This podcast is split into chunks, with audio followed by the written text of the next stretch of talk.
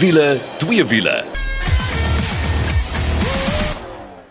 As jy daai klokke hoor, weet jy mos dis tyd vir wiele, twee wiele. Ag, en dit is so lekker. Ons is weer 'n volledige span. Ek is Janet, langs my sit Nicole. Hallo. Hallo almal. En laat dit skool ook hier. Hallo. Hallo, lekker lekker. lekker, lekker man. Hoorie, ons het twee fantastiese padtoetse en fantasties op twee verskillende redes, maar die eerste een was Audi se SQ8, maar dan ook die Kia Picanto X-Line. So, dit was altyd was goed. En ek kyk meer uiteenlopend kan jy nou nie kry nie, Ja. maar uh, ja, ons gaan 'n lekker tegniese wenk ook hê oor verkoeling. sien dat dit nou koud is. Ja, Ek het net iets daarmee uit te waai nie. Ek hoop dit gaan oor my yskassie nikkel, maar jy het ietsie om met ons te deel daar. Ja, en nou sit al op twee wiele ook en ons wil nogal weet hoe gaan dit met Nicole se projek van sy CB650 man tussen hy nuwe projek ook. Dis 'n hele projek storie, maar ons gaan jou daarvan vertel. Maar ons het ook 'n bekendstelling van die week en dit is met Audi se Q2. Dit nie self bygewoon nie. Mike McDouling het dit namens wiele twee wiele bygewoon. Maar ouens, kom ons spring asseblief weg. Uh, Audi se SQ uit. Kom ons sê net eers wat is dit? Ja, nou die Q8 is nou eintlik die mooi Q7. So kom ons begin daar. Die Q7 is die baie groot SUV van Audi. Toe hulle hom gaan meer sportief maak. En dan kry jy nou die die Q8. Nou as jy opgaan in die lyn, dan kry jy nou later die SQ8 wat die warmste diesel Q8 is wat daar buite is. Daar's nog een hoër as dit, dis die RSQ8 wat ons seker later verjaar nog in Suid-Afrika gaan sien, maar dit is 'n petrolmodel. Maar die een wat ons ervaar het, was die mees kragtigste diesel enjin wat Audi tot dusver vrygestel het in 'n produksievoertuig. Ja, jy kyk na 310 kW en 900 Nm wringkrag. Nou kyk, ek moet vir eerlikwaar sê, jy moet 100% wakker wees by jou positiewe visie. As jy jou voet neersit, want ek vir een ding vertel, jy raak sommer so duiselig met daai klomp wringkrag. Ja, en weet wat is vir my die wonderlikste van hierdie diesel engine? Hy klink nie soos 'n diesel nie. So hy's heeltemal verberg. Jy weet nie eers jy ry met 'n diesel nie. Ek het vir jou 'n vraag toe net. Hoeveel turbos het die kar? 2. Verkeerd. O, oh, nee. Kyk, ons sê is halfpad reg. Hy het twee regte turbos en dan 'n elektriese kompressor. Het jy dit geweet? Nee. Ja, so hierdie SQ8 kom met 'n mild hybrid stelsel 48 volts en dan het hy hierdie elektriese kompressor want jy weet ons hou turbo lag. As jy jou voet neersit en dan kyk jy eers so 'n bietjie rond en so en dan gebeur al die dinge. Nou om daai minder te maak het hulle elektriese kompressor wat dan verskriklik vinnig opspin om daai onmiddellike boost vir jou te gee voor die twee gewone turbos op daai V8 enjin oorvat. So as jy hom nou weer ry, julle daar buite wat ooit gelukkig is, kyk bietjie as jou voet neersit, hoe vinnig daai enjin dan daai verrigting vir jou gee. Wel daai vinnige verrigting. Kom ons kyk dit gou 0 tot 100 km/h in 4,8 sekondes.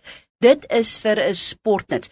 Nou kyk as jy nou luister en dink ja, julle gelukkige mense, julle kry net al hierdie fancy vinnige kar om te ry.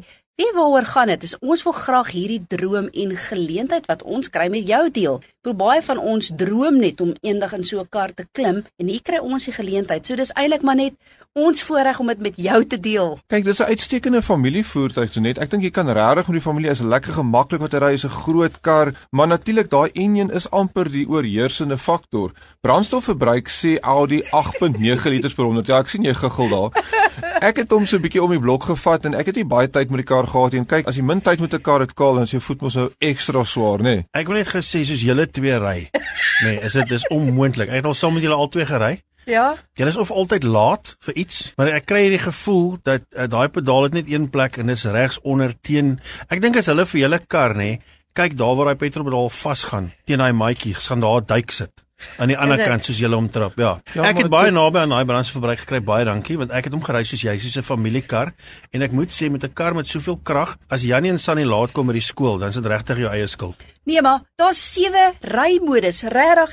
Ek bedoel comfort, auto dynamic, efficient, all-road, off-road, individual en natuurlik moes jy in dynamic die hele tyd ry. Wat is jou verbruik? Ja, my verbruik wat ek gesien het was so 14 liters per 100. Ja. Maar ek moet sê eintlik as jy daaroor dink, Kaal, vir hierdie groot voertuig, as hy 'n petrol enjin, daai RSQ, nê, nee, hy gaan so hier by 25 liters per 100 of so iets staan as ry soos wat ons gery het. So wys jy die diesel is definitief beter en ek dink die voordeel is as jy gaan mooi ry, gaan jy miskien onder 10 kan gaan. Ek het dit nou nie gesien nie, so net so dit verseker is nie. Nee. Kom ons kom ons wees maar eerlik met mekaar. As jy uh, oor die 1.8 miljoen rand betaal, dis nou sonder enige tierlantjntjies vir 'n kar en jy worry oor brandstofverbruik, dan het jy iewers verkeerde keuses gemaak. Dit is 'n feit, maar kom ons praat gou oor daai prys. Dis wat jy gesê, dis die basistarief. Nou die een waarmee ons gery het.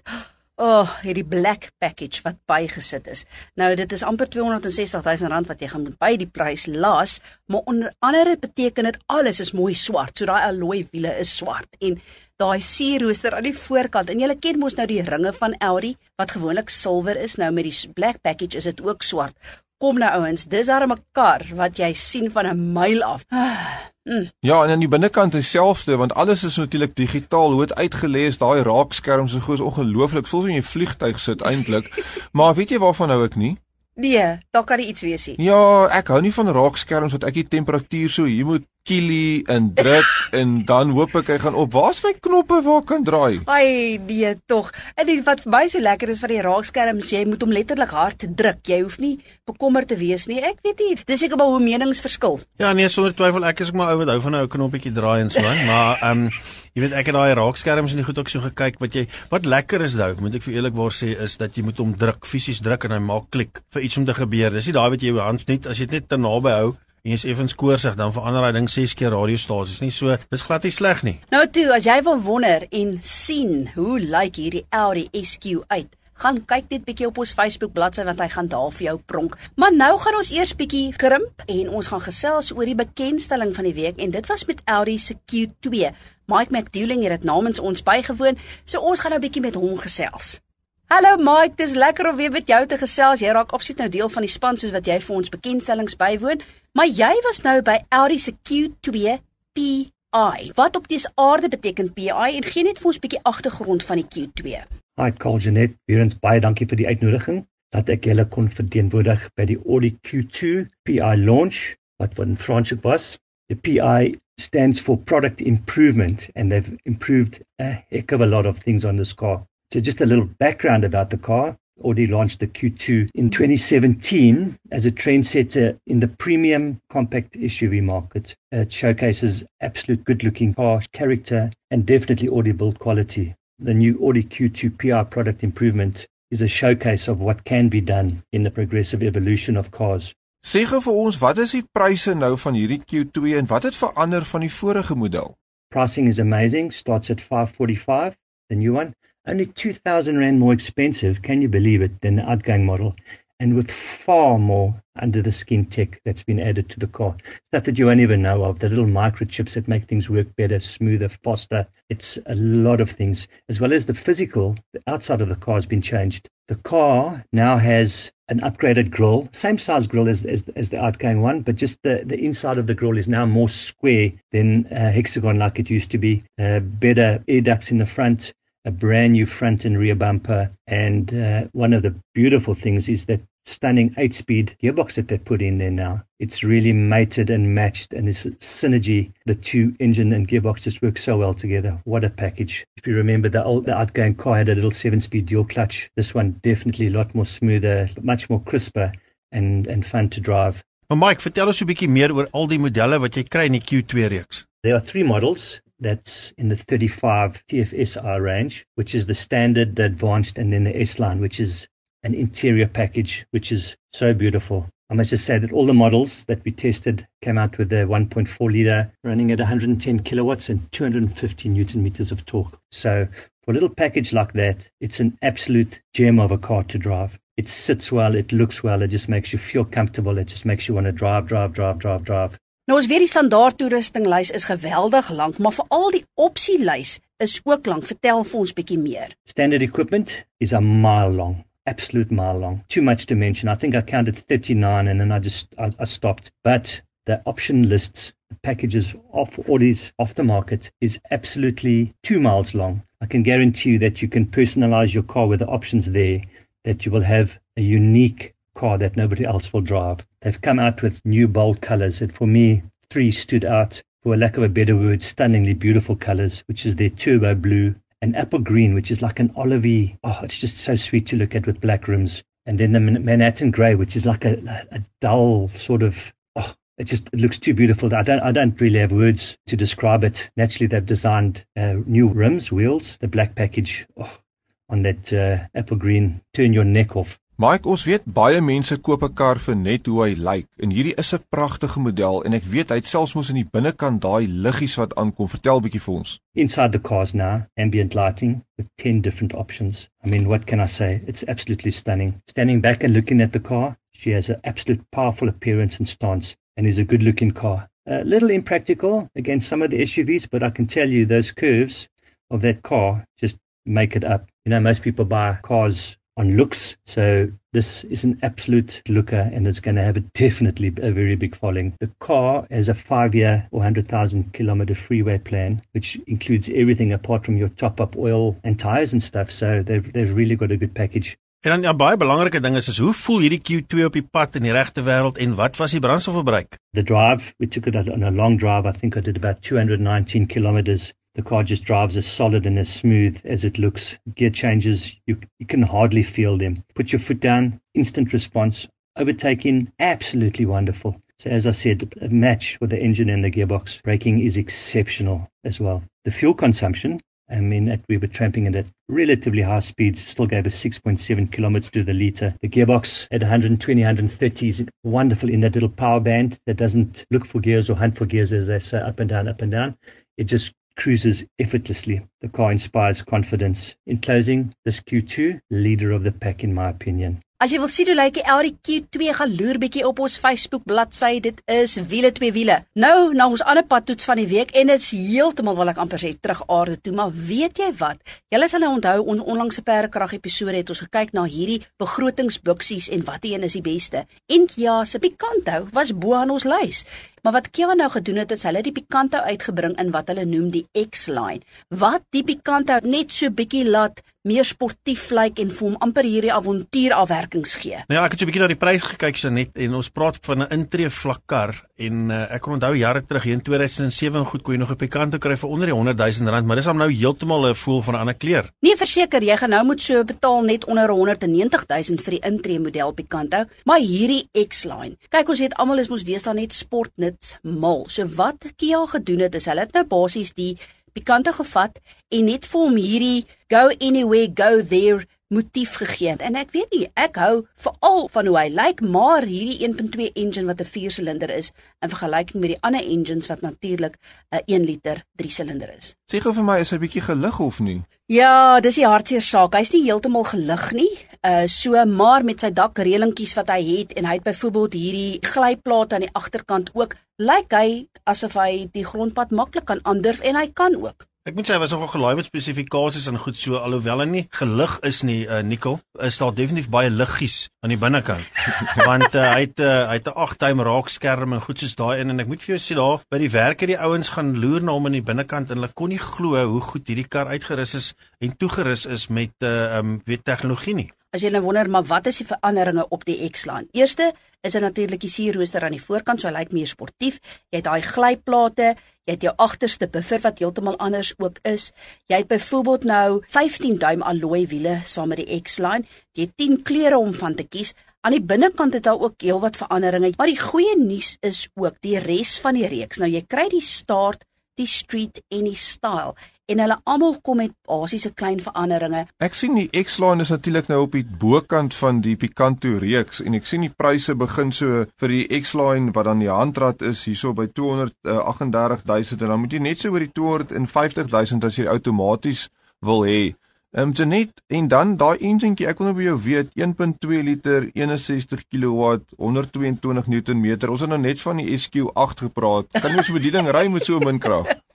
Hoorie dat jy gaan verbaas wees hoe lekker nippie is hierdie 1.2 enjintjie. Hy doen alles wat hy moet doen En ek wil net ook iets sê vir Kia. Mense dink altyd hierdie klein begrotingsbuksie, men as jy vra hoe veilig is hulle. Die feit by staan is hierdie karretjie is een van die veiligste in sy segment omrede dat hulle baie hoë kwaliteit 'n staal gebruik vir die raamwerk van die karretjie. Hulle noem dit advanced high strength steel.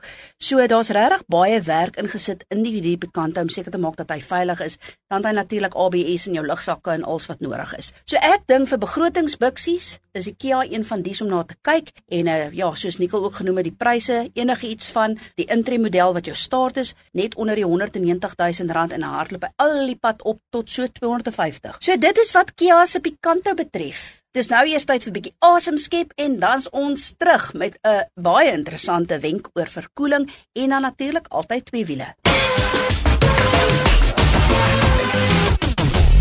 Ja, en as jy 'n vlekvrye stal uitlaatstelsel soek al uh, as jy hom wil stilhou of as jy 'n bietjie weer jou kar moet praat, moet jy definitief 'n draai gemaak by Powerflow Belwel. Hulle kyk na alles wat jy nodig het. En uh, weet jy wat, dis nie net 'n jaar waarog nie, dis sommer 5 jaar. So uh, vir beter werkverrigting, brandstofverbruik en al Belflow Belwel, dis die plek vir jou. En is so maklik soos www.belflowbelwel.co.za. Nou ja, toe welkom terug as jy is ingeskakel by Wiele 2 Wiele en dit is nou tyd vir ons tegniese wenk van die week en meneer Nicol Lou is hier saam met ons in die ateljee.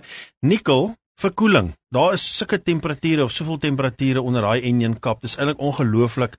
Verduidelik vir ons so 'n bietjie hoe werk dit en hoe kry hulle dit reg om uh, alles in toom te hou dat jy daar nie heeltyd 'n vlam uitslaan nie. 'n Goeie punt daai so vlam, eh, al ek dink daar kan gaan smelte metaal ook wees as jy gou luister na hierdie temperature wat in 'n binnebrand enjin voorkom. Ek praat hierso veral van 'n petrol enjin. Hulle sê tussen die vonkprop elektrode, daai gaping as daai vonk spring, 60000 grade Celsius daarso. Hulle praat van die piekgastemperatuur in die ontbrandingsruimte 2500 grade Celsius. Uitlaatgasse as jou voet neersit in 'n petrol enjin 1000 grade Celsius. Dis ongelooflik. Jy kyk hierso na jou uh jou seier se bokant is op 250 grade Celsius en jou wande van jou silinder is so by 200 grade Celsius. So dink jy by jouself wel metaalsvel seker so hier by tussen 300 en 500 grade Celsius. So mense is nie ver van 'n gesmelte enjin af nie. En hoe hou jy al sintoom, toe nee? Nee, ek het 'n idee die bad is natuurlik waar verkoeling inkom. Ja, so verkoeling van 'n enjin is natuurlik besonder belangrik. Wat interessant is is dat jou 'n verkoelingsstelsel. Ons kyk natuurlik nou na jou as ons dink aan jou verkoeler, al daai pype waar die waar die verkoeling deurgaan. Jy het natuurlik jou rheostat wat ook klep is wat oop en toe maak. Kyk of jou verkoelingsvloeistof uh, vloei uh, of nie, dan jy pomp waar die water pomp of jy verkoeling dan. En uh, dan het jy natuurlik ook binne in jou enjin wat in Engels praat jy van die water jackets wat daai water dan nou in 'n in 'n waterverkoelde enjin om die silinders en so aan daai hitte probeer wegvat en die rede hoekom dit nie smelt nie is onthou daai ontbranding is 'n split van 'n sekonde. So daai temperatuur het amper nie genoeg tyd om oorgedra te word aan die staal nie en daai wat oorgedra word word onmiddellik deur jou verkoelingsstelsel weggevat en dan natuurlik by jou verkoeler voor waar die wind oorwaai word in die atmosfeer vrygestel. Maar nou het ek 'n vraag vir jou Kol, wat se persentasie van die energie in jou brandstof eindig in die verkoelingsstelsel of moet uit die verkoelingsstelsel weggevat word? Ja, nee, dis 'n baie goeie vraag. Ek weet wie die MotoGP gewen het, Nicole. Ja, daai ja, ja, is ja. Vertel jy maar vir ons toe. So 'n derde van die energie in brandstof word in die hitte omgeskakel wat dan weggevat moet word deur die verkoelingsstelsel. 'n Ander derde gaan by jou uitlaat uit. 'n Ander derde is eintlik wat by jou wiele uitkom wat vir die aandrywing gee. So net 'n derde van die energie in brandstof word eintlik gebruik. Maar nou het ek 'n ding vir jou. 'n Bugatti Chiron, nê? Nee?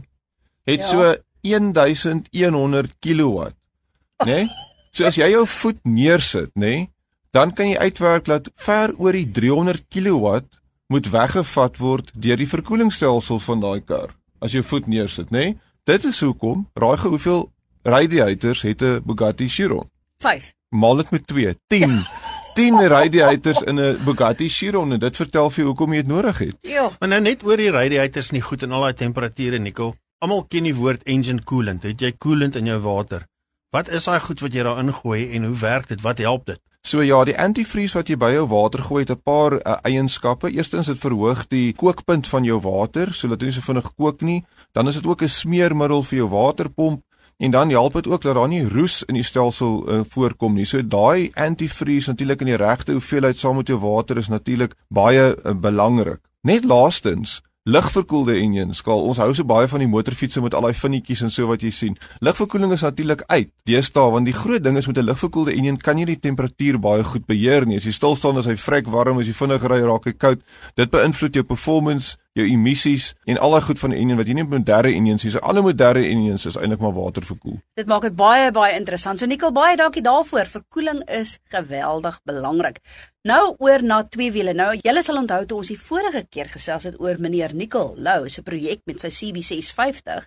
Toe het hy vertel van ja, so 'n bietjie van 'n oepseën probleem en die hele engine was uitmekaar uit, maar so stuur hy toe nou vir my 'n ou greepie en jy kan gerus gaan loer op ons Facebook bladsy wiele twee wiele, want is daar, want die wil ek amper sê ou meneer het weer gestart. Ja, ek het jy sien hoe rooi is my oë. Wie tog. Laat aande in die garage en um, ja, dis net gou van die foutjie vertel. Die fiets was heeltemal reg uitgeloop en toe kry hy so 'n olielekkie hier tussen die silinder en die silinderkop en dis daai ou rings uh, wat geneig is om te gaan op 'n CB waar die natuurlik die olie van onder af opvat na jou nokaste toe. En uh, toe ek die silinderkop afhaal, uh, toe sien ek o, tog head gasket is daarmee en ek moet hom vervang.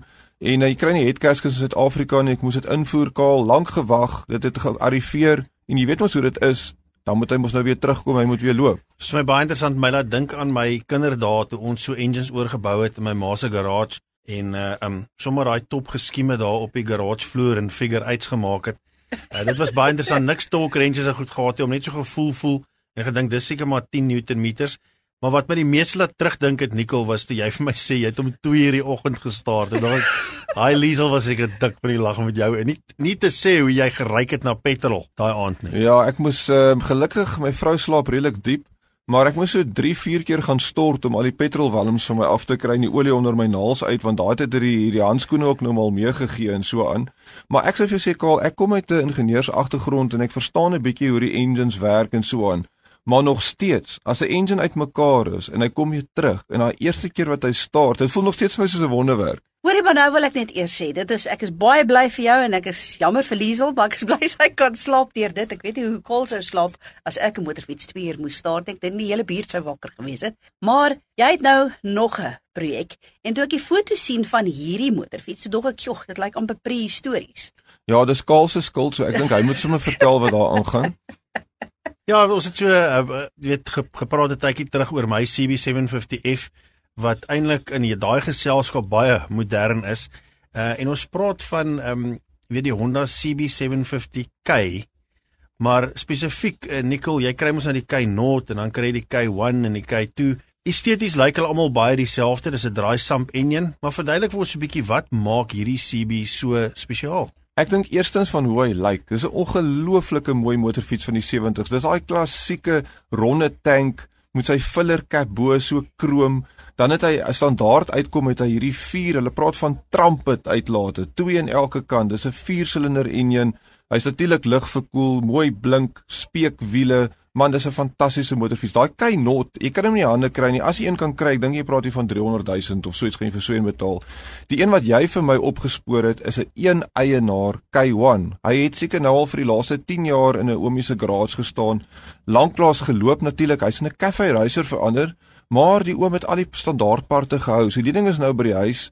Dis nou tyd om hom aan die loop te kry en terug te vat na sy oorspronklike kondisie. Nou as jy nie weet nie, net so vinnig wat hierdie motorfiets so fenomenaal maak en so 'n collectible maak, is die feit dat totdat hierdie K0 of K1 uitgekom het, het die Engelse die hele motorfietsmark oorheers.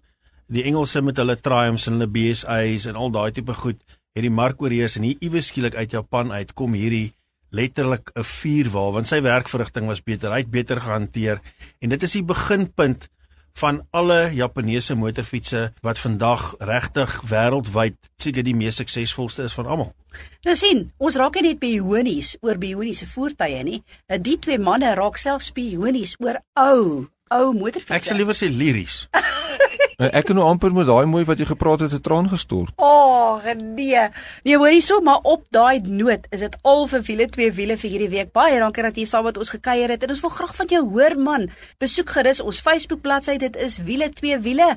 Maar dan tot volgende week toe weet julle wat om te doen. Hou daai wiele aan die rol.